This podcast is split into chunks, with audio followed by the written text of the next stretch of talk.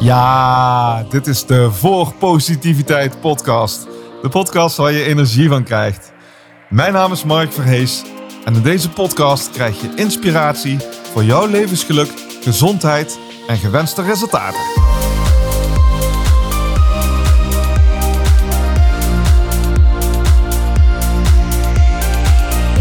Voor positiviteit, Hoera! Ik zit hier op een heel mooi plekje. In een heel warm huis. Aan een fantastisch mooie houten tafel. Zit ik tegenover een stralende vrouw. Eh, iemand die ik zelf in mijn hart heb gesloten. En mensen die mijn boek hebben gelezen, die, eh, die weten ook. ehm, die ken ik Christine inmiddels ook als mijn eh, fantastische schrijfcoach. Maar ja, Christine Pannenbakker is natuurlijk veel meer dan dat. Fijn om hier te zijn, Christine. Ik ben ook zo blij dat jij hier bent, Mark. Echt, de zon scheen vanmorgen. Ik dacht, ja, natuurlijk. Want Mark komt. Hoort erbij, hè? Hoort erbij. Hoort erbij. Ehm, Christine, wie ben je eigenlijk? Oh, dat is een heerlijke grote vraag. Als je me Ik- echt zou kennen. als je me echt zou kennen, dan zou je weten dat ik word gedreven door nieuwsgierigheid. En die nieuwsgierigheid, die heeft mij wonderen gebracht. En nieuwsgierigheid, dat heeft zo'n zo'n beetje iets om zich heen hangen. Zo'n zweem van een foute buurvrouw die met spiegels zo de hele straat in de gaten houdt. En dan gaat roddelen. De gordijnen opengooit. Ja, en, en dan gaat zeggen van, goh, heb je dat gezien? Maar voor mij is nieuwsgierigheid is een soort gedrevenheid om, om de wereld te ontdekken. Om ontdekkingsreiziger te zijn. Om eh, deuren te openen. Niet te krabbelen aan de deur, maar poorten te openen die voor iedereen gesloten blijven. En nieuwsgierigheid is voor mij ook het idee van... Sommige mensen vragen dan aan mij van... Oh, ik vind het zo erg, ik weet niet wat mijn passie is. En dan denk ik van, volg je nieuwsgierigheid. Dat brengt je op al die plaatsen. En waar brengt jouw nieuwsgierigheid jou?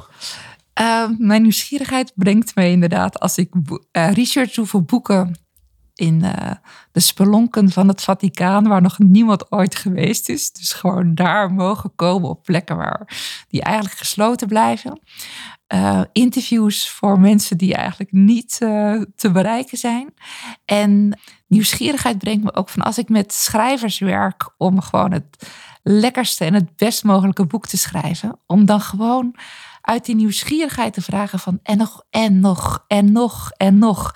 Want dat vind ik ongelooflijk fijn. Van soms als je schrijft, dan blijf je een beetje veilig aan die oppervlakte. Maar ik wil altijd meer en meer en meer. Dus mensen worden daar ook heel moe van. Maar ik denk dat het mijn eigen boeken veel beter heeft ge- eh, gemaakt. Mijn leven veel heeft verrijkt.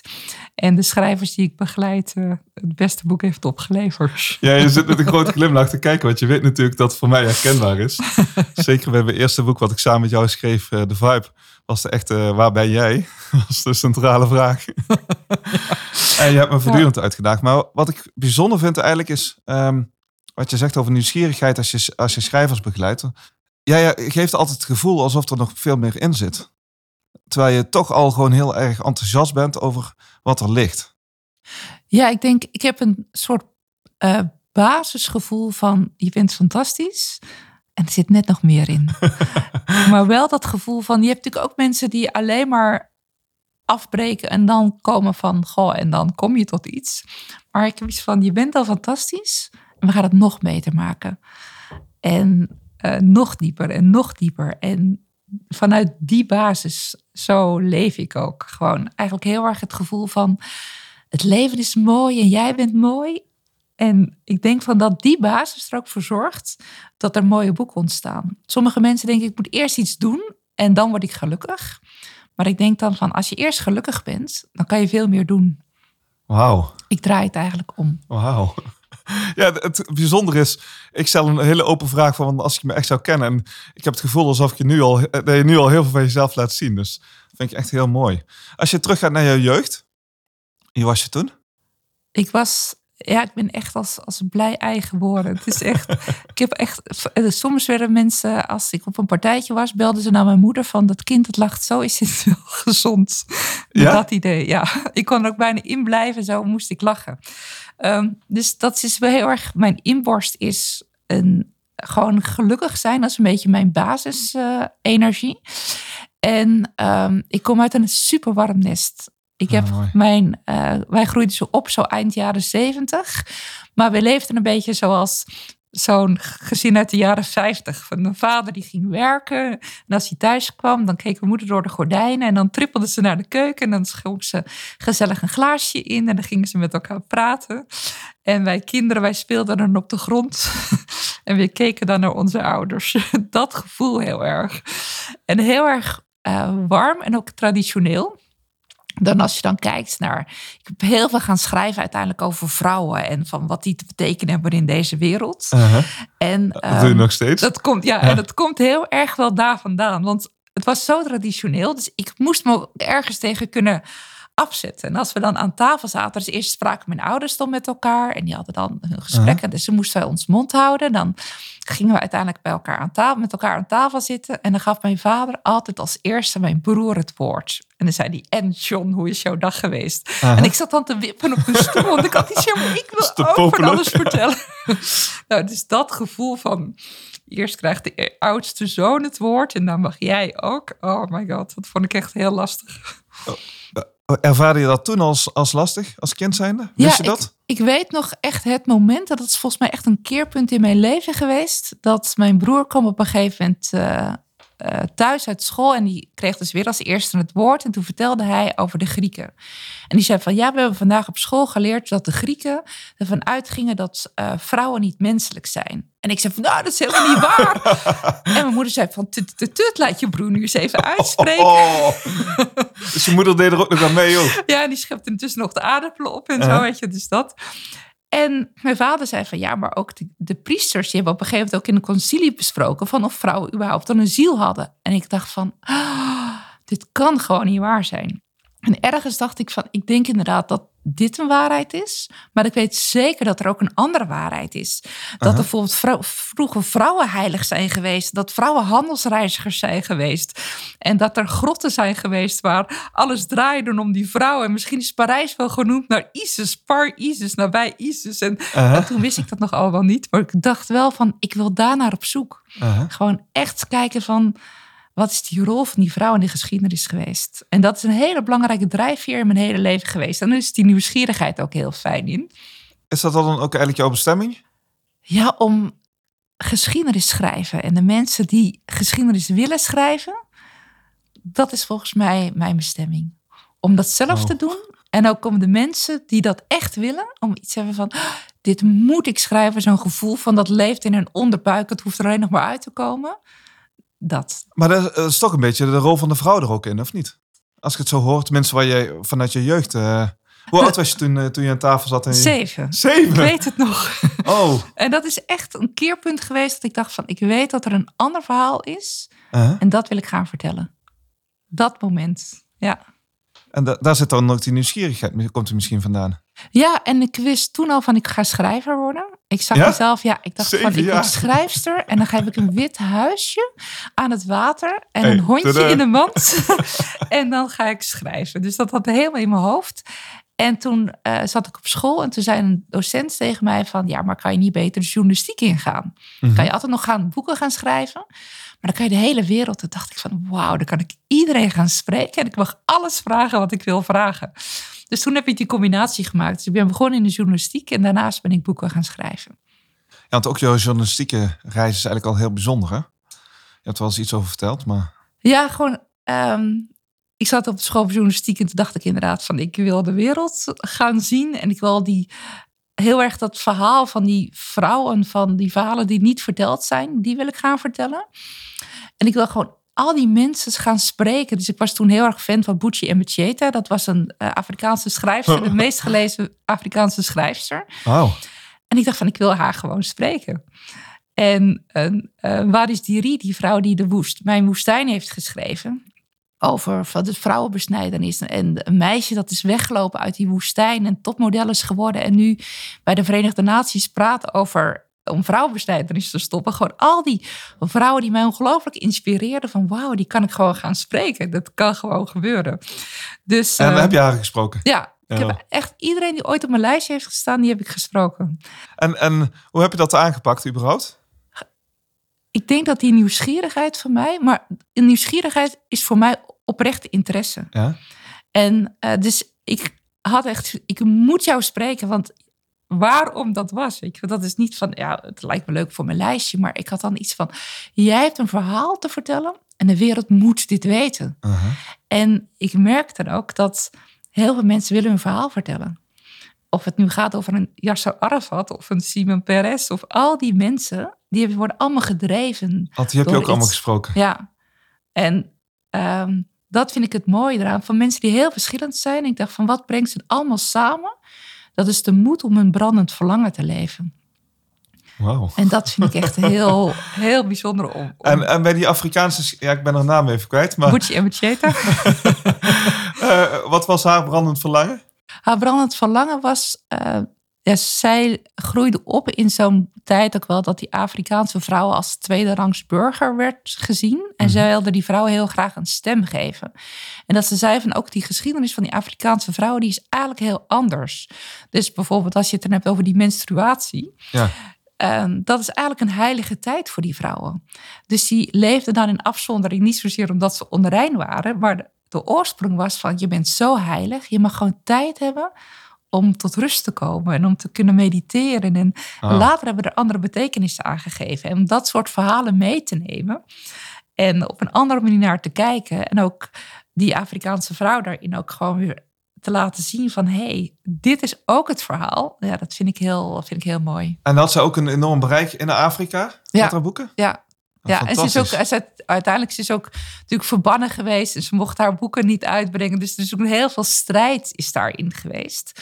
Maar ik zag me daar zo zitten met haar. zo- Zo'n donkere stem. En ik, ik sprak haar in de nacht dan ook. Nou, Ja? dat was- alles was dan magie. Geheimzinnig? Heel geheimzinnig. En zo bij het kampvuur. En ze zei ook tegen mij van dat kampvuur. Dat is iets ehm, waar we vroeger verhalen vertelden. En dus dat je die hele sfeer kan meenemen van het, het idee van we zijn altijd verhalenvertellers geweest. Ja. En dat vind ik heel mooi om verhalen door te kunnen geven aan elkaar. En wat is dan de grootste les eh, die je van haar geleerd hebt? Ehm, om altijd weer op te staan. Zij is wel iemand die gewoon heel veel, echt ook heel veel leed had meegemaakt. Maar gewoon wat er ook gebeurt, van letterlijk zat ze soms op haar knieën van ik weet het niet meer. En nu sta ik op. Ja, En ik ga er gewoon zo tegenaan. tegenwerkt werd natuurlijk. Ja, en ehm, want soms voel ik mezelf heel bevoorrecht. Van als ik dan kijk naar mijn jeugd en naar dingen die er zijn gebeurd. En ik dacht, eh, zij zei ook tegen mij van, weet je, er moet wel ergens een, iets ergs zijn gebeurd in je leven om heel veel kracht te ontwikkelen. En dan ging ik echt denken van, oh jeetje, Ah, moet ik heb geen niet iets verschrikkelijks gebeuren in mijn leven, wil ik kracht ontwikkelen. Ik ben het er ook niet mee eens. Ik denk ook inderdaad van dat we allemaal vanuit een andere achtergrond een heel mooi verhaal te vertellen hebben. En dat het ook soms mooi is van eh, dat je niet allemaal gigantische trauma's moet meemaken om een verhaal te vertellen. Maar, eh, want soms ben je dan zo alleen maar aan het worstelen met je eigen verhaal, dat je andere verhalen niet meer kunt horen. En zou het niet mooi zijn als we ook allemaal gewoon heel openstaan voor de verhalen van anderen? En dat is wat jij doet. Ja, en die het licht te laten zien. Ja. En, en, en het licht te geven, ook als het nog ergens verstopt zit op een donkere plek. Ik wil nog heel even, voordat we naar die verhalen gaan, wil ik nog heel even terug naar Yasser Arafat en eh, Simon Peres die je ge- geïnterviewd hebt. Dan moet toch ook iets waanzinnigs zijn geweest? Ik bedoel, iedere journalist wil hun wel spreken. Ja, wat voor mij was, is dat het was natuurlijk ook niet zo dat ze zeiden van, goh, ja joh, kom maar. Niet meteen. niet meteen. Oh. Er ging echt dan wel echt heel veel tijd overheen. Maar dan, ja, en dat klinkt dan een beetje van eh, alsof het gewoon een heel donker verleden is. Maar er was toen ook nog van, je moest dan echt gewoon nog brieven schrijven en Aha. eh, telefoneren en zo. En uiteindelijk mocht ik dan komen. En dan moest je gewoon wachten in je hotelkamer. En ze gingen dan bellen. Maar ik had ook geen mobiele telefoon. Dus je kon nog niet naar beneden toe om iets te gaan halen. Ik moest gewoon blijven wachten in die hotelkamer. En wachten en wachten dat je nauwelijks durfde te douchen. Want ze konden gaan bellen. Ja, dan moet je meteen klaarstaan. Dan moest ik er meteen. Nou, en toen belden ze inderdaad dan op. En je mag nu komen. En eh, ik zat met hem aan tafel. En ik had 20 minuten. Dus dan ga je inderdaad daarheen, naar Jericho. En dan. krijg was je waarschijnlijk 20 al blij met minuten. 20 minuten. Ja, dus Ja. wauw, ik krijg dan 20 minuten. En maar ik was dan heel erg van, wat drijft je? En wie zijn jouw voorbeelden? En waarom wil je zelf een voorbeeld zijn? In plaats van de politieke geschiedenis van, ehm, van Palestina of zo te gaan Uh-huh. bespreken. Maar gewoon, wie ben jij als mens? Wauw. En, ehm, Je noemt al vier hele mooie vragen achter elkaar. ja, ja. en, dat, is, eigenlijk- en daar wilde ik, dat wilde ik altijd weten. En dan zei, na twintig minuten zei zijn pers eh, mevrouw van, goh, je moet nu gaan. En hij had zoiets van, nee, laat maar, zij mag, eh, ze mag nog wel even blijven. Oh, wauw. En toen zei hij uiteindelijk van, ga je met mij mee wandelen? Huh? En ik had iets van, we zijn er nu toch. Ja, ik heb de tijd, hallo. En toen wandelden we door zijn tuin. En toen Huh? pakte hij mijn pink. En toen heb ik pink aan pink gelopen met Yasser Arafat. Oh, Echt. Was toch ook nog niet de tijd van de selfies, maar man, man, man. Dat heb ik daar spijt van. Dat, had goed gedaan. dat. En uiteindelijk mocht ik ook mee naar zijn huis. En heb ik ook zijn vrouw ontmoet. Mhm. En eh, was dat heel mooi, omdat die vrouw ook hem liet zien als vader. En zij vertelde mij het verhaal van dat ehm, hij elke dag een wit papier gaf aan zijn dochtertje. En zei, jij mag je eigen toekomst tekenen. Oh, wauw. En ehm, dat vind ik heel, ja, vond dat heel ontroerend. Van, oké, weet je, van, je denkt dat het allemaal is ingevuld, maar dat, is helemaal niet zo. Ja. Teken je eigen toekomst. En zijn vrouw zei van, eh, als je ooit iets doet tegen de vrouwen in, in dit land, dan ben ik de eerste die tegen jou protesteert. Dus heel mooi. Dan krijg je zo het totaal plaatje van zo iemand van hoe die leeft en denkt en voelt. En ehm, Oh. ja. Wat het dus zijn dochter gewoon een wit vel papier gaf van... hé, hey, maar teken je toekomst maar. Ja, ja, Het, het, is voor, het staat voor je open. Vul maar in wat je zelf in wil vullen. ja. En dan denk ik inderdaad van als je... Je kunt hele kritische vragen stellen over wat hij heeft gedaan in, in zijn Mhm. leven. Maar ehm, als je bij uitgaat, iedereen trouwens, maar- Ja, bij iedereen. Maar eh, als je uitgaat inderdaad van drijfveren van... En dan, dan komt zo i- iemands aard naar boven. En dat vind ik ook heel mooi wat jij doet inderdaad in de podcast. Van, ja, als je me echt zou kennen, wie ben je dan? En dan ga je eigenlijk gelijk naar die essentie toe. En dat vind ik echt een hele mooie vraag. eh. Ja, wat je drijfveren zijn. Maar ik heb ook het gevoel dat ik al best wel wat drijfveren van je te pakken heb. Eh, hè, van de zevenjarige Christine die aan de, aan de keukentafel zit. eh, en het op zoek gaan en het nieuwsgierig zijn naar verhalen. Ja. ja, verhalen, dat is echt iets wat En- mij drijft. En je eh. bent dus eh, van journalist ben je op een gegeven moment auteur geworden. Ja, Wa- hoe ging dat? Ik sprak eh, uiteindelijk voor eh, uitgeverij of voor de krant alle grote auteurs van de wereld. Dus ik mocht eh, Ja. met Paulo Coelho lopen en met, nee, met Heb Bucci je en met Paulo. Coelho ook gezien? ja, ehm Oh, even denken, man. we hebben al, ja, ehm Isabel Allende, de meest gelezen Uh-huh. schrijfster van eh, Latijns-Amerika. Dus ik ging al die mensen spreken. En toen zei Chris Herstorfer, destijds eh, uitgever bij de kern, van... Ja, je vertelt nu al die verhalen, maar volgens mij heb je zelf ook wel een verhaal te vertellen. Oh. Ik wil heel graag eh, dat jij bij mij een boek gaat uitbrengen. En eh, toen heb ik Wie ben ik geschreven. Hoe oud was je toen? En ja, echt, ik denk 22 of zo. Oh. Ja. Ja, Maar je had toen al een hele bagage eigenlijk. ja, en ik had natuurlijk... Om, ja, ik had heel veel mensen gesproken. Ik was de wereld al over gereisd, Aha. heel vaak. Ehm, en heel erg uitgegaan van...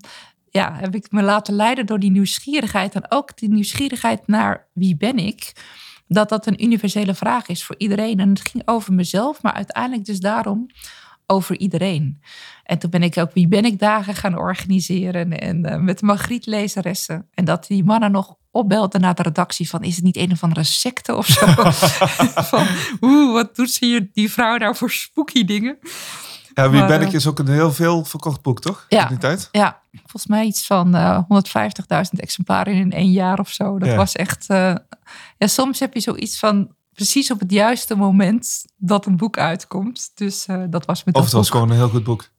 Ook. Ja, ja. ja. maar Ja, het blijft altijd magisch. Als het geen goed van- boek is, dan kan het moment nog zo goed zijn. Dat is waar. Ja. Ja, Oh, wat waren de vragen in Wie ben ik? Ik bedoel, het is meer dan wie ben, alleen de vraag wie ben ik? Wie ben ik en wie wil je zijn? Waar, wie Mhm. kies je ook te zijn? En ehm, toen ging ik misschien meer nog van nu uit van het leven is maakbaar. Ik geloof nog steeds wel van dat je dingen in een bepaalde richting kunt sturen. Maar ik kan nu heel erg ook wel relaxen in van... Oké, nu is er dit? Weet Ja. je wel, van en wat doen we daarmee? En toen dacht ik nog van, oh, als ik nu eens kies hiervoor te zijn, dan ga ik dat gewoon doen en dan gebeurt dat ook. Dus ehm, ja, weet je, de Anthony Robbins vibe zat er toen heel erg in ook. eh, ja. Maar toen je Wie, ben ik schreef, wat voor gevoel had je toen? Had je toen het gevoel van ik ga nou een bestseller schrijven? Of eh, Nee, dat was wat toen, gebeurde er in je? ehm, was heel een beetje klein en kwetsbaar in mezelf. Oh. En dat is eigenlijk van al mijn boeken die, ehm, als ik dan schrijf, dan ja, zit er ook wel gewoon die onzekerheid van wie ben ik in godsnaam om dit te doen? Ja? En ook een drijfveer altijd? van en Sorry? dit moet ik doen. Ja, ja. ja ik heb intussen zeven bestsellers geschreven en ook echt ook mijn laatste boek toen ik hem op cent drukte, toen zei Zonneke van ben je nu weer aan het huilen? Uh-huh. Echt waar. Het kan dan zo klein. Zonneke is je dochter ja, trouwens, ik ja, eh, van ook klein en kwetsbaar voelen. En ik denk wel van als je een goed boek schrijft of een boek dat heel dichtbij komt, dat echt uit je, uit je van dit moet ik schrijven, dan ligt je ziel ook op tafel. En ehm, dat kan ook van, ik kan heel erg denken van ja, het kan me niet schelen wat iedereen ervan vindt. En Mhm. toch is het spannend. Ja, dat is nog naakt. steeds zo. Het is heel naakt. Ja. Ja. ja. en zeker ook omdat al mijn boeken zijn uit een soort kwetsbaarheid geboren ook. Van het gevoel van, dit moet ik nu vertellen. En heel persoonlijk ook. eh, het raakt me ook heel vaak heel persoonlijk. Dus eh, ja. Terwijl jouw laatste boek echt wel een powerboek ook is. Ja, eh, het gaat over Jeanne d'Arc. De maagd is terug. En het is een, een pleidooi ook voor... om die Jeanne d'Arc-energie weer terug te brengen in deze wereld. Want ehm, ik, her, ik had het zelf ook dat ik even een tijdje onder een steen had geleefd voor mijn gevoel. En dan van onder de steen vandaan komen... en gewoon je woorden weer de wereld in kunnen stormen en durven stormen. Ja, die energie wilde ik heel graag brengen. Ja, dat is En- wel gelukt. Ja, het is echt een, een, een, ontembaar pleidooi van leef en wees grenzeloos gelukkig ook. Want ik denk van als je het dan hebt over deze maatschappij, van al, die groepen die tegenover elkaar staan, zeg voor dat we allemaal grenzeloos gelukkig durven zijn.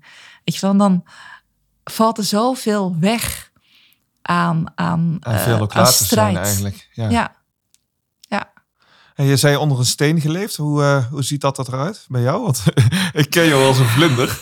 en een vlinder leeft over het algemeen niet zo heel erg onder de steen. Ehm, nee, ik, eh, ik was inderdaad die eh, leuke, flamboyante vrouw die de wereld overvloog en met wapperende haar op het schoolplein stond. En, ehm, En al veel bestsellers had geschreven. Ja, Iedereen en- had gesproken. ja, en dacht van, goh ja, dit is, het leven is, lacht mij toe. En toen ehm, ben ik gescheiden. En ehm, dat was een hele donkere periode in mijn leven. Om sowieso ehm, ergens, het begon al met het idee van, bij ons in de familie gaan we niet scheiden. Ja. Dat zat er heel erg Je in. gelooft in de liefde. Ja, en dat ging ook in mijn familie ook niemand scheiden. 30 neven en nichten. Dus ja, nee. Dus ik dacht van nee, dat ga ik dus niet doen. Ehm, maar het ging heel slecht eh, tussen ons in onze relatie. En toen ben ik na anderhalf jaar dat het allemaal een beetje wrong en, en moeilijk ging, werd ik verliefd op een vrouw. Oh. En het was voor mij van, ja, nou, dat doe ik al helemaal niet. Uh-huh. Dat was iets, het was heel, echt een shock voor mij. Ik dacht van, ja, dit kan helemaal niet. Echt een shock in de zin van nog nooit aan gedacht? Nog nooit aan gedacht. Nee, Uh-huh. ik was, ja, ik had ooit voor Geert gekozen. En dat was het dan voor mij, weet je wel. En we hadden ook een fantastisch leven geleefd. We Ja. waren de hele wereld over gegaan, ook samen research gedaan. Dochter Zonneke mocht met ons de hele wereld over. Die had een circusstatus gekregen op Ja, school. Geert is ook echt een leuke, bijzondere man. Dus, ja, dus ja. we mochten gewoon de hele wereld over. Dochter mocht mee. Dus in de eerste instantie hebben we echt gewoon ja, 15, 16 jaar echt fantastisch geleefd. Nou, toen kwam een beetje eh, het eh, moeilijk eh, tussen ons. Mhm. En ehm, toen werd ik uiteindelijk dus ook nog verliefd op een vrouw. En dat was iets wat niet in mijn. Ik had, was wel nooit verliefd geweest op een vrouw. Je hebt ook als meiden die dan al experimenteren in hun jeugd. of wel dat gevoel hadden. Dus, dus ik ging dat ook nog verklaren. Ik dacht van nee, ik ben niet verliefd geworden op een vrouw. Ik ben natuurlijk verliefd geworden op die vrije vrouw in mezelf. Die ik vroeger was. Want zij was zo'n vrouw die op een motor reed. met eh, blonde krullen door de wereld heen ging. En ik dacht, van, Losse oh ja, haren. losse haren. Gewoon heel erg dat gevoel van. Dus ik dacht van nee, het is een beetje de, de, Zo wacht iets in je aan, dacht je. ja, want het is iets van mijn oude ik die weer gewoon weer zelf de wereld in mag gaan. Want ik was uiteindelijk ook heel dienstbaar geworden, een beetje naar de achtergrond verdwenen en alleen maar zorgen van dat de anderen het allemaal heel goed hadden. Wat op zich ook niet echt heel erg bij je past, denk ik. Nee, ik dacht van dat meer balans. Ik denk van nou, hoe dan ook had, als dat nog was gebeurd, weet ik niet wat er was gebeurd in mijn Nee. leven. Maar hoe dan ook gebeurde dus dit. Ja, en ik vond het zo erg. En ik dacht ook van ja, maar weet je, ik, ik kan niet daarvoor kiezen ook. Want ik heb ook een, een, een dochter die op mij vertrouwt. En ehm, Mooi. ik heb deze keuze gemaakt en ik I stand by it. Ik ga Aha. niet ineens iets anders doen, omdat dat, ik dan denk dat dat mij gelukkig maakt in het leven. Dus ik was in een volledige ontkenning van dit ga ik in ieder geval niet doen. En jezelf wegcijferen. Ja, ik, Ja. helemaal. Maar ja, ik zakte gewoon echt. Ik heb gewoon op bed gelegen, heel vaak als in feutushouding, huilend van ja, en nu? Echt zo, ik kan nog om zo diep en diep triest eh, voelde ik mij. En ook het niet kunnen uitspreken van, ik denk van dat dat mij echt wel te verwijten valt uit die periode van ik werd steeds stiller. En ik was in die zin heel moeilijk te bereiken nog van Mhm. als je ook iemand ziet, je ziet van dat gaat niet, maar eh, niet meer te kunnen bereiken. Weet je, als je in communicatie blijft, dan kan er nog zoveel wel natuurlijk. Ja. Maar jij lag in die feutushouding. Ik ja. lag in die feesthuiling heel ongelukkig te zijn en te denken van dit wil ik niet. Ja, en ja, wat dan wel? En eh, ja, dus uiteindelijk eh, zijn we toch het gesprek aangegaan. En, en die dame die je tegen was gekomen met de won- eh, loswapperende haren, eh, had hij ook iets in jou aangewakkerd eigenlijk? Ja, ik denk dat dat.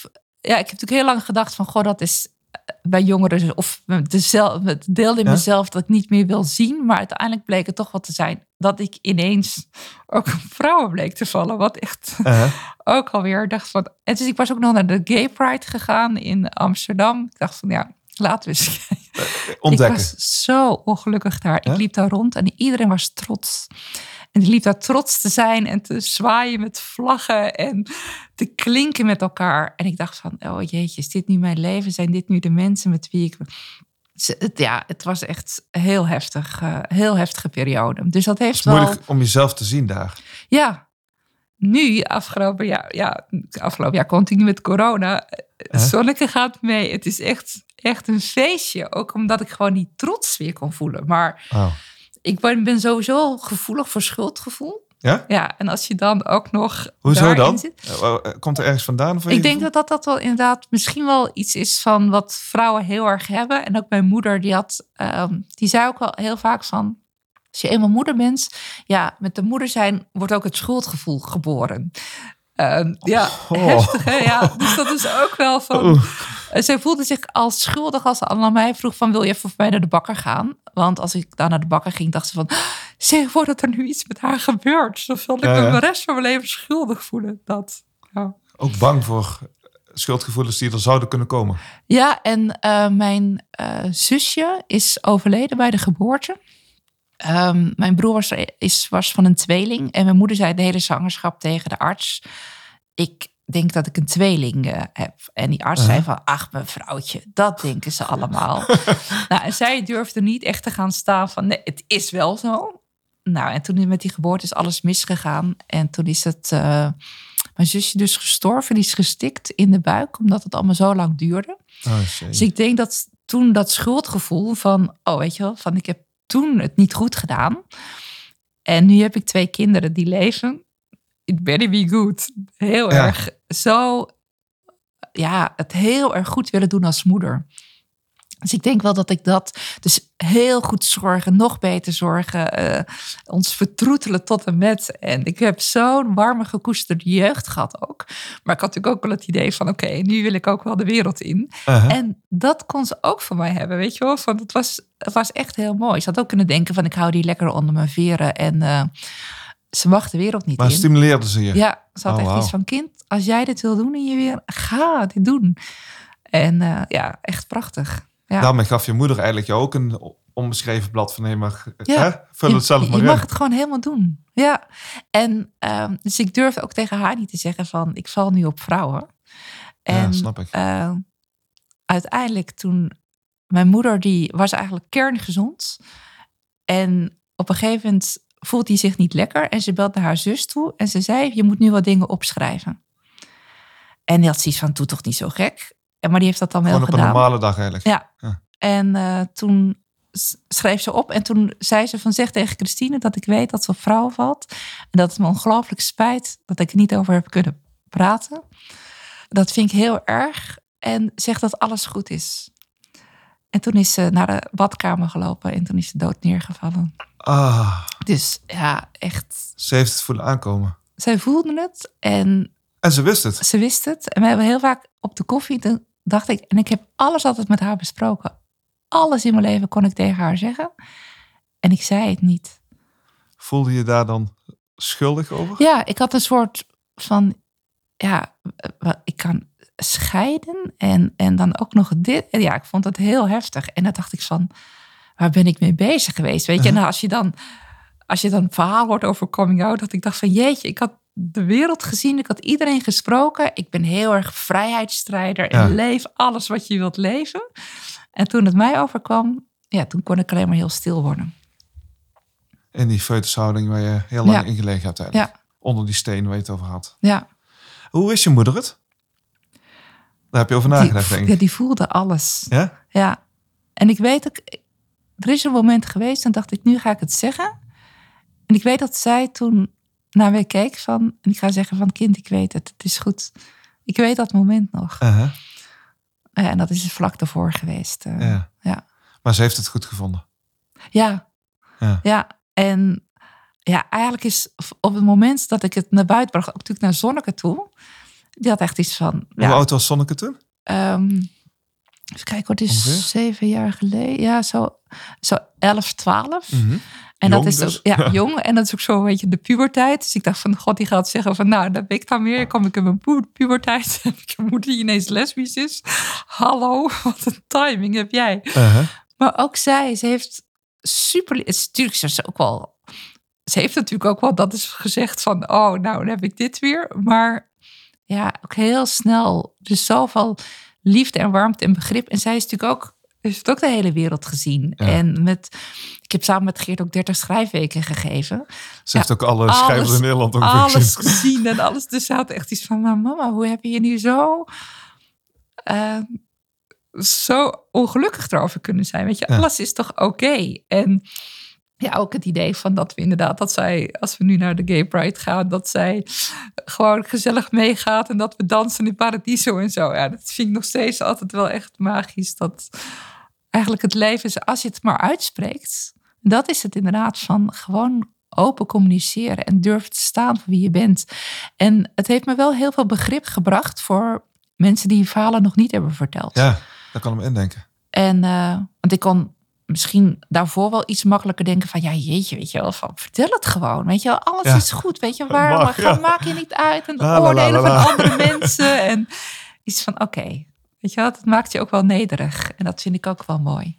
Ja, nederigheid is heel mooi. Ja, Heel mooi.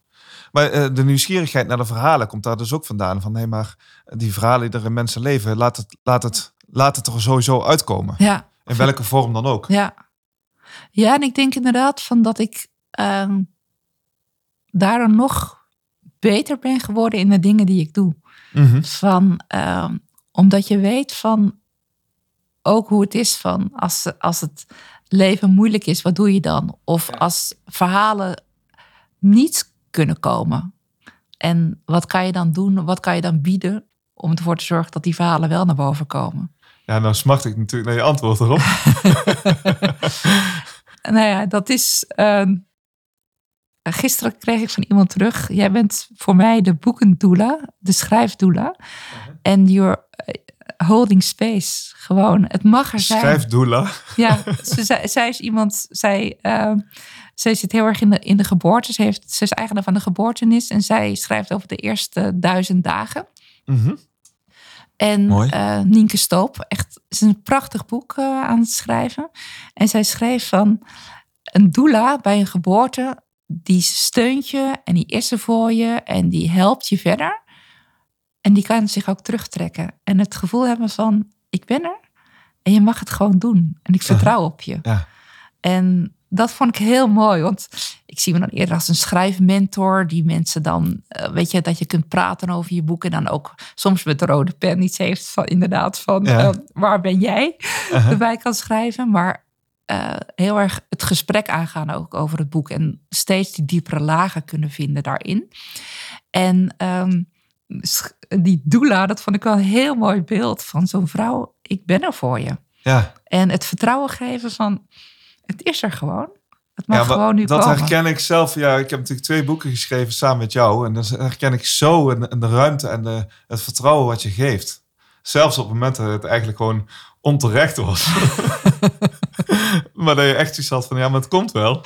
Het komt wel. Ja, en dus, ehm, en soms had ik dan ook wel het idee van, dan zei ik van, nee, het kan nog, het kan nog meer, no- dat ik dacht van, oh, jij gaat me echt zo de uber-pitch vinden. Maar, Nee, oh, absoluut nooit. en er, er zijn wel vrouwen die, die dan, Ja? ja, het is ehm, Nee. ook iemand die zei van, Serieus, zo, iemand die jou een Uberbitch voelt. Nee. die zei van, ik ben zo kwaad op jou geweest voor de Ja? afgelopen periode. Ja, Maar dan zijn ze eigenlijk kwaad op zichzelf geweest, toch? ja en, ehm, en achteraf Sorry voor de mensen die nu zitten te luisteren. Maar... Ja, en maar ook ehm, het idee van, ik had het zo nodig. Want ik dacht inderdaad van, ja, dit, Ja. Had ik ook, dit moest ik ook nog doen. En ehm, Want schrijven is natuurlijk een ultiem vorm van ja, je eigen proces beleven. ja. ja, want als je het dan over hebt over schrijven, dan zijn er voor mij in het begin altijd drie echte vragen van, wat is je polster? Waar wil je nu echt naartoe? En dan mag je onderweg ook verdwalen voor mij. Want ik vind dat heel mooi dat een boek ook een reis is. Maar wel weten van, dat is de ster. Hier gaan we naar op weg. Dus heb die gewoon heel helder. En dan ook van, wat is je ideale lezer? En heel veel schrijvers, die zien alleen maar die mensen voor zich die denken van, ja, so what? Wat moet ik met dit boek? Maar van het idee van dat er iemand straks op het strand zit en een beetje het zand van zijn been afhaalt Ja, en jouw boek vasthoudt en denkt van, ja, dit, dit is precies wat ik vandaag nodig had. En daarnaast van, wat brengt het jou? Ja. Dat die vraag minstens zo belangrijk is. Dat is voor mij echt een soort drie-eenheid van, wat brengt een boek jou? Wat brengt dat schrijven jou? En wat brengt dat onderzoek jou?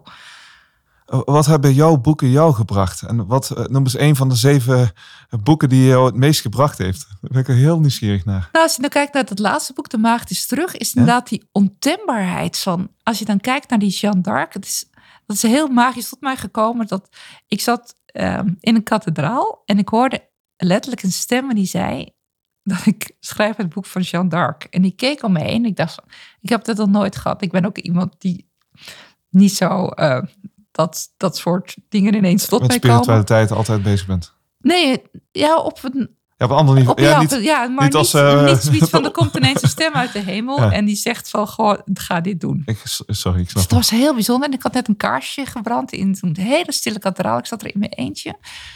Ik dacht van, Jeanne d'Arc, ja, dat is toch dat meisje, dat boerenmeisje... die dan iets in de honderdjarige oorlog deed... en eh, uiteindelijk eh, op de brandstapel terecht kwam.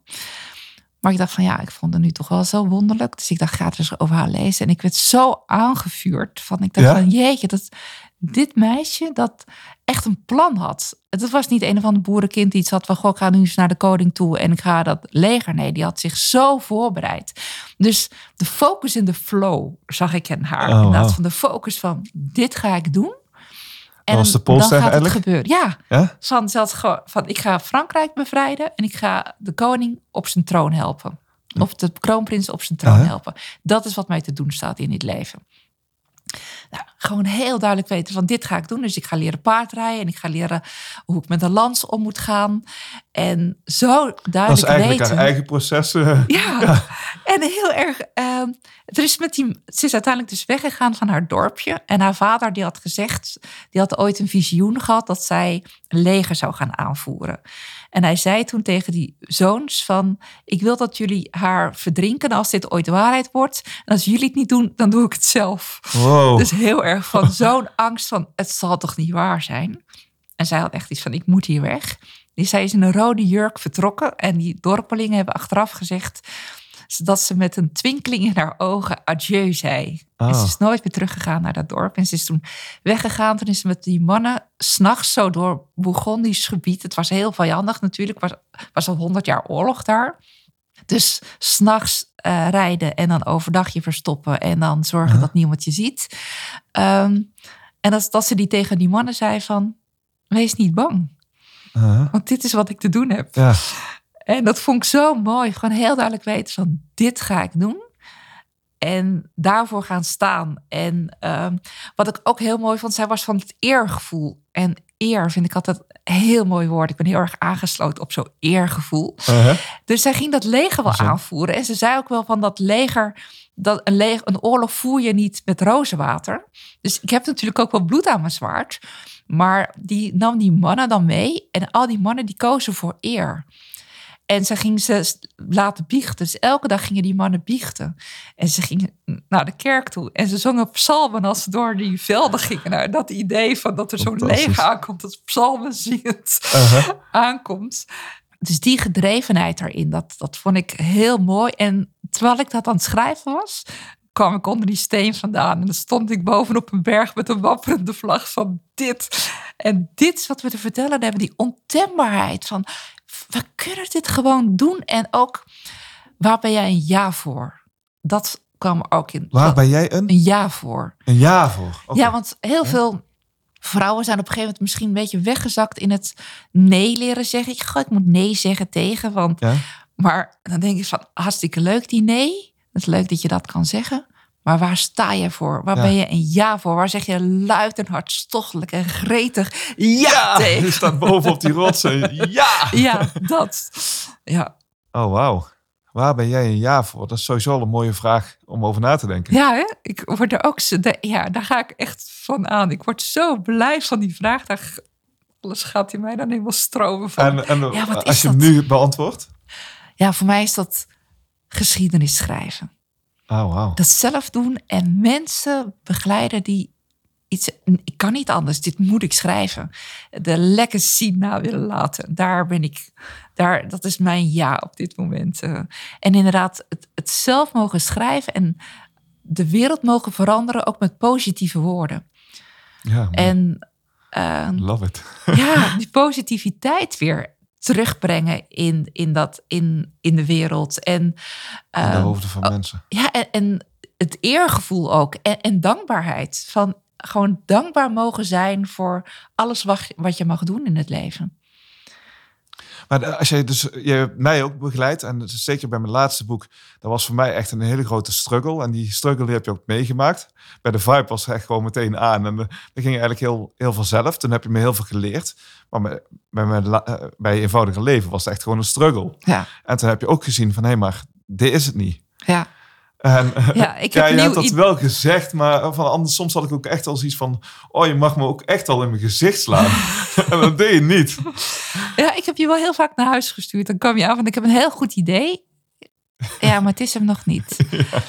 Oké, en dan ging je weer. Dus jij liet het ook. En dat is wel van, ik denk dat ik je wel Geslagen, eh, maar je geslagen heb, geïncasseerd. Maar als- jij, ja. jij bent ook heel erg bereid om te leren. Ja. Van dat je niet die van ja, het is het wel, maar dat ook dacht van ja, het is ook inderdaad niet. En ehm, kunnen ontvangen en durven leren, dat vind ik een hele mooie eigenschap. En dat is denk ik ook elk interview dat ik had, was heel erg van teach me, weet je, van Ja. hoe leef jij? En dat is natuurlijk ook van als je mensen begeleidt met een boek van als je niet kunt overgeven aan oké, teach me, ja, dan heeft het heel weinig zin. Weet je, als je zegt nee, het is wel een Ja, goede daar heb je niks aan de leraar, nee. Nee. Nee. En daarom vind ik dat, weet je, dat mentorschap heel mooi. Van, ik ben bijvoorbeeld ook een freak in eerste zinnen. Van dat ik echt mensen twintig in huis kan sturen. Van dit is niet. Ik, het is een eerste zin die je bij je strot grijpt. En dat een verhaal insleept. Ja, dat, dat vind ik fantastisch. Ja. Dat is ook het mooie van verhalen vertellen natuurlijk. Ja, gewoon gelijk denken van... "Ah, Oké, en nu? Ik moet dit lezen. Ja. Ik heb, ehm, toen ik hier naartoe reed, zat ik nog te denken van... We hebben natuurlijk ook een, eh, zo'n schrijfwandeling bij jou gedaan.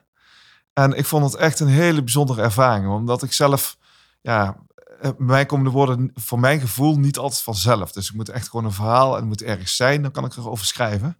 Maar eh, toen ik hier was met die schrijfwandeling, jij een paar opdrachten gaf. En ik echt dingen ging schrijven die blijkbaar dus in mij zitten. En ik totaal geen weet van had. En ik echt zoiets had van, je gooit, je gooit deurtjes open. En ik ben heel benieuwd hoe je dat doet. Ja, mooi. Ja, dus ja, daar vind ik heel mooi dat je dat zegt. Omdat schrijven is voor mij inderdaad niet iets dat je alleen maar achter je bureau doet. Schrijven is voor mij ook van, het is vandaag mooi weer. Ik ga gewoon naar buiten toe. En ik ga onder een boom zitten. En wat gebeurt er dan? En ehm, Oh, wow. daarom is een schrijfwandelingen voor mij heel mooi. Omdat het is, het is focus en flow. En flow is heel erg als je naar buiten gaat. En als je naar buiten gaat, dan, eh, en bijvoorbeeld ook als je wandelt, gewoon in je brein gebeuren er andere dingen. Er komt in een ander ritme, waardoor er andere dingen gebeuren. Dus ik geloof ook heel erg dat de ideale titel niet gaat achter je bureau komt en dat je dan gaat, jezelf gaat pijnigen van wat is nu mijn ideale titel. Nee. Maar je bent buiten en je wandelt en ineens is het, ja, dat is hem. Ja. Dus die schrijfwandelingen, dat vind ik altijd magisch wat daar gebeurt. Er zijn ook wel mensen gewoon echte schrijver geworden voor life. Ja. Door daar, door gewoon naar buiten te gaan en ineens van... hé, hey, het mag ook uit andere eh, delen in mezelf komen. En bijvoorbeeld ook iets als de lucht is blauw. Nou, dat is echt heel leuk voor je, maar wat hebben we eraan? Maar ga naar buiten toe en ga echt schrijven? Ja. van... wat is dat echte blauw nu? Is dat koningsblauw? Of is dat eh, Egyptisch blauw? Dat is al een heel andere sfeer die je daarin ja. meegeeft. En het is gewoon kijken van en gras, weet je, van nu is dat lentegras. Dat zo helemaal bijna fluoriserend is. En dat heeft echt iets van, yes, het leven begint weer. Dat is iets heel anders dan als ik een winterwandeling maak. En eh, dat je voelt van onder, onder de grond gebeurt er van alles. Ja. Maar dat mag, hoeft dan niet naar boven te komen. En dat is, vind ik ook heel mooi aan het leven. Van, we denken in de winter dat het allemaal doods is. Maar onder de grond, my, my, my, daar. Wat daar gebeurt. En daar gebeurt eigenlijk het belangrijkste gedeelte. Ja, Ja, dat is absoluut zo. ja, Maar het doorassociëren is dan misschien wel echt gewoon... ehm, ja, dat herken ik wel ook met die schrijfhandeling. Nu ik erover terugdenk. Van, je geeft bepaalde opdrachten of bepaalde suggesties mee. En dan ga je door associëren. Je gaat niet tevreden zijn met van... hé, maar wat je echt feitelijk gewoon ziet. Maar gewoon van, hé, maar wat betekent het nou? Waarom is dat? Hè? Ga er eens op door associëren. ja, ja. En bijvoorbeeld ook van, associeer je met iets wat hier is. Ja. Het kan het bootje zijn, het kan de zon zijn, het kan het glinsterende water zijn. En nou, sommige mensen die hebben dan zoiets, ja, ik ben die kiezel die daar ligt en iedereen loopt over mij heen. Gewoon daarover kunnen Oeh. dat schrijven. Dat is zo veelzeggend. Het is echt een ander gevoel of je het glinsterende water bent. Of dat je die kei bent die niemand ziet waar iedereen overheen loopt. Maar maak je dan een koppeling tussen dingen die je ziet en eh, jezelf? Ehm, ja, ik heb dan een van de opdrachten is inderdaad van associeer je met iets wat je hier ziet. Dat mag het bootje zijn, dat mag die boom zijn, dat kan een stronk zijn, een takje langs de kant. Wat is dat? En ga dan beschrijven alsof je dat bent. En gewoon op een andere manier gaan schrijven, op een andere manier naar kleuren kijken, een andere manier naar de wereld kijken, naar jezelf. Een afscheidsscène schrijven buiten is echt iets anders dan achter je bureau. Ja, ja, zo heb ik dat ook wel echt ervaren. Maar is dat niet eigenlijk gewoon een vorm van persoonlijke ontwikkeling? Ook, ja. En ik denk dat dat sowieso goede boeken hebben. Dat... Kijk, er zijn natuurlijk ook heel veel boeken die mensen schrijven in zeven stappen naar. En dan denk ik van, dat is heel leuk. Maar die mensen komen niet bij mij. Dus ik vind het ook altijd heel mooi van, die gaan naar andere mensen toe. Maar als je zeven stappen naar, eh, weet ik veel... eh, Maar die komen misschien wel bij je, maar dan zeg je... er zijn andere kost- mensen beter voor jou. ja, ik ben inderdaad zo de schrijver die het echt aan wil gaan. Die echt iets heeft van... Ik wil gewoon de, de needle mover, vind ik altijd heel Ja. mooi wat ze in Amerika zeggen. De needle movers willen zijn, die echt een verschil willen maken. En ik zei van, ik heb echt iets te vertellen. En, en mensen gaan hier zo uh, maar van die dit nodig polster moet je eigenlijk een brandend verlangen krijgen. Ja, Ja, ja, en ook weten van, ik ga hier naartoe. Eigenlijk zo'n beetje de ster van Bethlehem. Van de, die drie Uh-huh. koningen die iets hadden van, ik weet het niet precies. Maar we gaan wel die ster achterna. Die hadden ook kunnen zeggen, we gaan nu eens een andere ster doen. Is leuk. Sommige mensen hebben veertien sterren. Die schrijven veertien boeken door elkaar heen. Dat wordt hem niet. Je moet wel één ster hebben. Uiteindelijk komen we daaruit. En dat is bijvoorbeeld ook met jouw eenvoudige leven. Je, mag, je schrijft op allemaal verschillende manieren. Maar het komt constant uit op dat Ja. gevoel van hoe, hoe kom je daar? En juist mogen verdwalen in het boek, maar wel weten van heel helder van hier gaan we naartoe. ja maar ik herken dat ook zo ontzettend dat eh, bij eenvoudige leven had, heeft mijn leven ook echt veranderd. Het heeft mij, eh, ja, mijzelf veranderd. En eh, dus in die zin, die reis die, we, die je daar mij in begeleid hebt, die heeft mij ook gewoon heel veel verder gebracht. Wat mooi. Ja, maar dat is absoluut zo. En ik weet ook nog heel goed dat we met het laatste hoofdstuk zaten. Dat ik mijn laatste hoofdstuk eh, ja la la la la had geschreven. Terwijl ik eigenlijk gewoon in een totaal andere stemming op een gegeven moment was terechtgekomen. En die jij te- tegen mij zei van, hé, maar durf je het echt over de kern te hebben? Ja, en toen ging het over jouw mama. Ja. Ja. Ja, en ja, dat- jij hebt me er altijd in uitgedaagd. En op zich vind ik dat ook heel erg fijn, want dat maakt mij eh, veel vrijer. En ik geloof ook wel echt als je ja, de, echt je eigen kern op durft te zoeken en te, la- te laten zien, dan maak je jezelf vrijer. En ja, ik vind jou een voorbeeld van vrijheid. Dus ik denk dat je dat zelf ook ja, zo, zo beleeft. Klopt dat? Wat ja, ik vul hem in voor je. Maar Ja, mooi. Ja, je zit er ja. helemaal te knikken. Maar... Ja, ik, het is ja inderdaad. Het is een beetje met een podcast weer ingewikkeld als iemand knikt. Maar dat her- herken ik inderdaad heel erg, ja. Ja, Ik heb hier een. eh, ja, ik hou. Je had het net al over positieve woorden, maar ik hou heel erg van positieve woorden. Dat hebben wij volgens mij echt gemeen. Ehm, eh, Sonja Kimpen, iemand die wij allebei heel goed kennen, een fantastisch mooie vrouw, heeft een boekje geschreven: Vul je batterij met positiviteit. ja. En het grappige is, ze zelf ehm, best wel schuchter over het boekje, omdat ze zelf denkt: het is een heel eenvoudig boekje. En ze durft hem eigenlijk bij wijze van spreken al niet te verkopen. Terwijl het misschien een van de allerbeste boeken is. Eh, zou jij eh, het boekje willen openslaan en een willekeurige pagina eh, willen pakken? En er staan dan zes positieve woorden in. En die voor willen lezen. En dan één woord daaruit kiezen. Met liefde. Productief, elegant, trouw, gevoelig, intelligent, kennis. Trouw is mijn woord. Ja? Ja. Trouw zijn aan jezelf, aan je diepste verlangens, aan je, aan je ware kern. En trouw zijn ook van als je iets afspreekt met jezelf, dat je daar ook trouw in blijft. Dus als je het dan hebt over het schrijven van dat boek. Trouw zijn aan jezelf. En zoveel mensen beginnen een boek. Maar als het geen plaats krijgt in je agenda, dan gaat dat hem niet worden. Dus daar zit die trouw ook in. Dat moet prioriteit worden. Ja. En, en eh, trouw aan wie jij bent. Trouw Hoe zie je zijn dat? aan alles in jezelf. Ja, en trouw zijn ook aan. ehm, misschien heeft Jean d'Arc me dat ook nog wel geleerd. eh, trouw zijn aan alle aspecten van jezelf. Ook die kanten van jezelf die je misschien minder leuk vindt. Dat die er mogen zijn. En ehm, dat vond ik wel nog een uitdaging. Van zij was iemand die alles liet bestaan in zichzelf. Die kon en oorlog voeren en heel heilig zijn. En eh, gewoon de hele, alles mogen zijn daarin. Dus bijvoorbeeld, ik ben ook opgegroeid met het idee van, in ons gezin zijn we niet eh, boos. Uh-huh. Nou, word dan maar een keertje boos. En dan af en toe denken van, oké, ja, dat is wel een lekker gevoel ook. Van echt woedend kunnen zijn. En uit- Ja. vanuit die woede een keertje schrijf je hele andere scènes. Weet je, ik zet Maar het word je wel eens boos of niet? Ik kan wel boos worden. Nu eindelijk kan ik wel echt, eh, ja. Ja? Ja. Maar ik gebruik het heel vaak dan wel weer in iets creatiefs. Ja, ja. ik ben niet zo, ik ben niet de, eh, de woedende mens die hier schoppend door het leven gaat.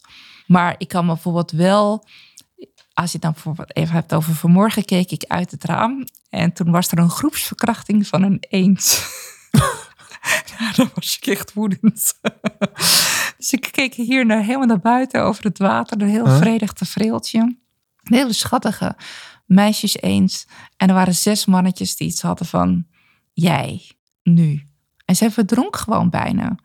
Nou, dan stap ik woedend naar buiten toe. Gooi ik stenen in het Ja? water. Laat haar met rust. ja, dat wel. En dan wil je het veranderen. Ja, op zich is dat, toch- op zich is dat goed. Ja, je wil iemand, hel- iemand ja, helpen. en dan dacht ik wel van ja, echt, fuck it dat ze dan zeggen dat is de natuur echt no way. Als wij vrouwen niet voor elkaar gaan staan, dan wordt het niks. En dat is toch echt vanuit de, de 17-jarige Christine. Wij vrouwen moeten voor elkaar gaan staan. Ja, ja. Ik vind, Ik dat, ik vind dat altijd heel bijzonder, want daar hoor je mannen bijna nooit zeggen. Nee, maar dat broederschap, ik vind dat mannen, ik vind broederschap ook een heel mooi woord. Ja, absoluut. Ik vind broederschap dan weer mooi dan sisterhood. Sisterhood, dat heeft soms een beetje iets te veel paarse rok voor mij. Zo, maar broederschap, dat vind ik, dat heeft voor mij ook te maken met Er eergevoel. meer mannelijke energie in zit Ja. of wat?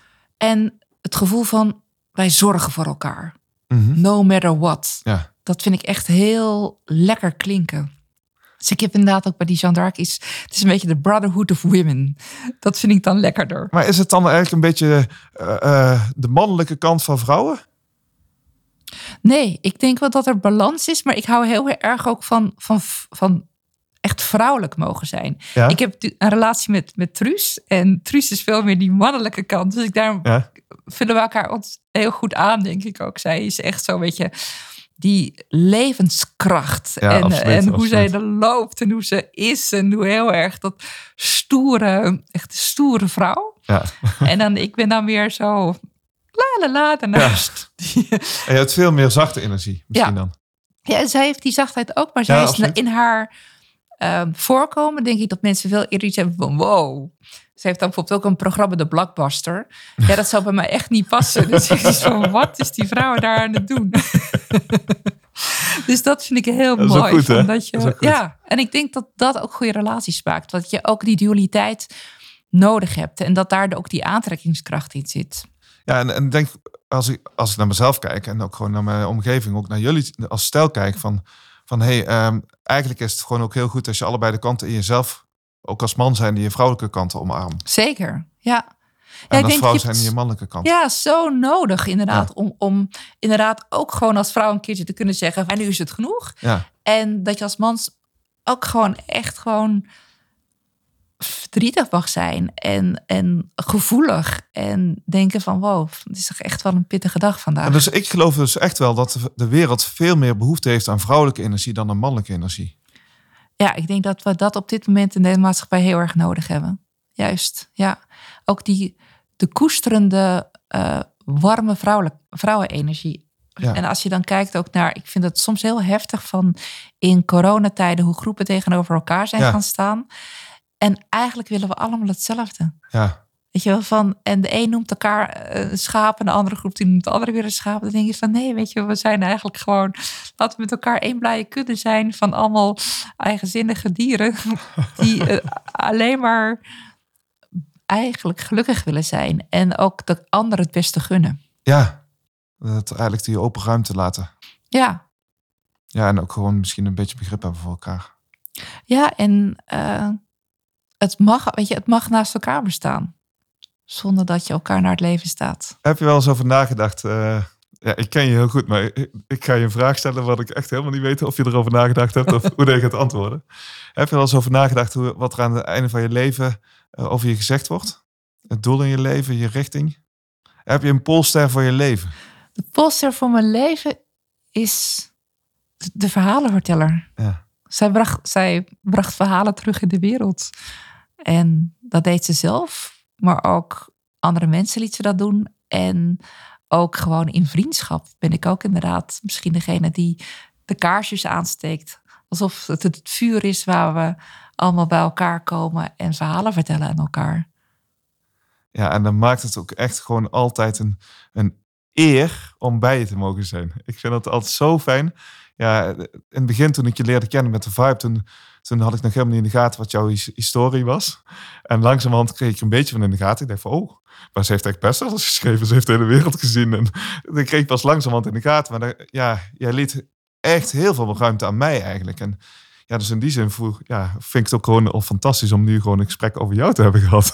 Echt gewoon, dat ik af en toe gewoon met mijn handen onder mijn benen heb gezeten. Want dan mag je even niks vertellen, Mark. Maar mooi, hoe die Polster van de verhalen vertellen. En ik, ja, ik sluit er helemaal bij aan. Ik vind, vind het ook heerlijk om verhalen te mogen vertellen. En ik vind het echt fantastisch dat jij me daar ook, eh, ben ik je heel dankbaar voor dat jij me daar altijd wil begeleiden. ja, ik, het is voor mij ook echt een cadeautje om het te doen. Dankjewel voor dit fantastisch mooie gesprek, eh, Christine. Ik vond het heerlijk. Dankjewel, Mark. Ik eh, ben heel dankbaar dat ik dit met jou mocht doen vanmorgen. Wauw. Dankjewel voor het luisteren naar de Voor Positiviteit podcast. Ben je geïnspireerd door deze aflevering en wil je nog meer positiviteit in jouw leven? Ga dan naar voorpositiviteit.nl slash spreuk van de dag en je krijgt elke dag de beste positieve spreuk gratis in je mailbox. Abonneer je natuurlijk ook even op deze podcast via je favoriete podcast app. Elke keer als er dan een nieuwe aflevering voor je klaar staat, krijg je automatisch een berichtje. Persoonlijk vind ik het altijd gaaf om voor jou als luisteraar te horen hoe deze aflevering je geraakt heeft. Heb je een bepaald inzicht gekregen? Of wil je graag iets delen over deze aflevering? Laat dan alsjeblieft een reactie achter op voorpositiviteit.nl slash podcast. Nogmaals, hartelijk dank voor het luisteren en graag tot de volgende keer.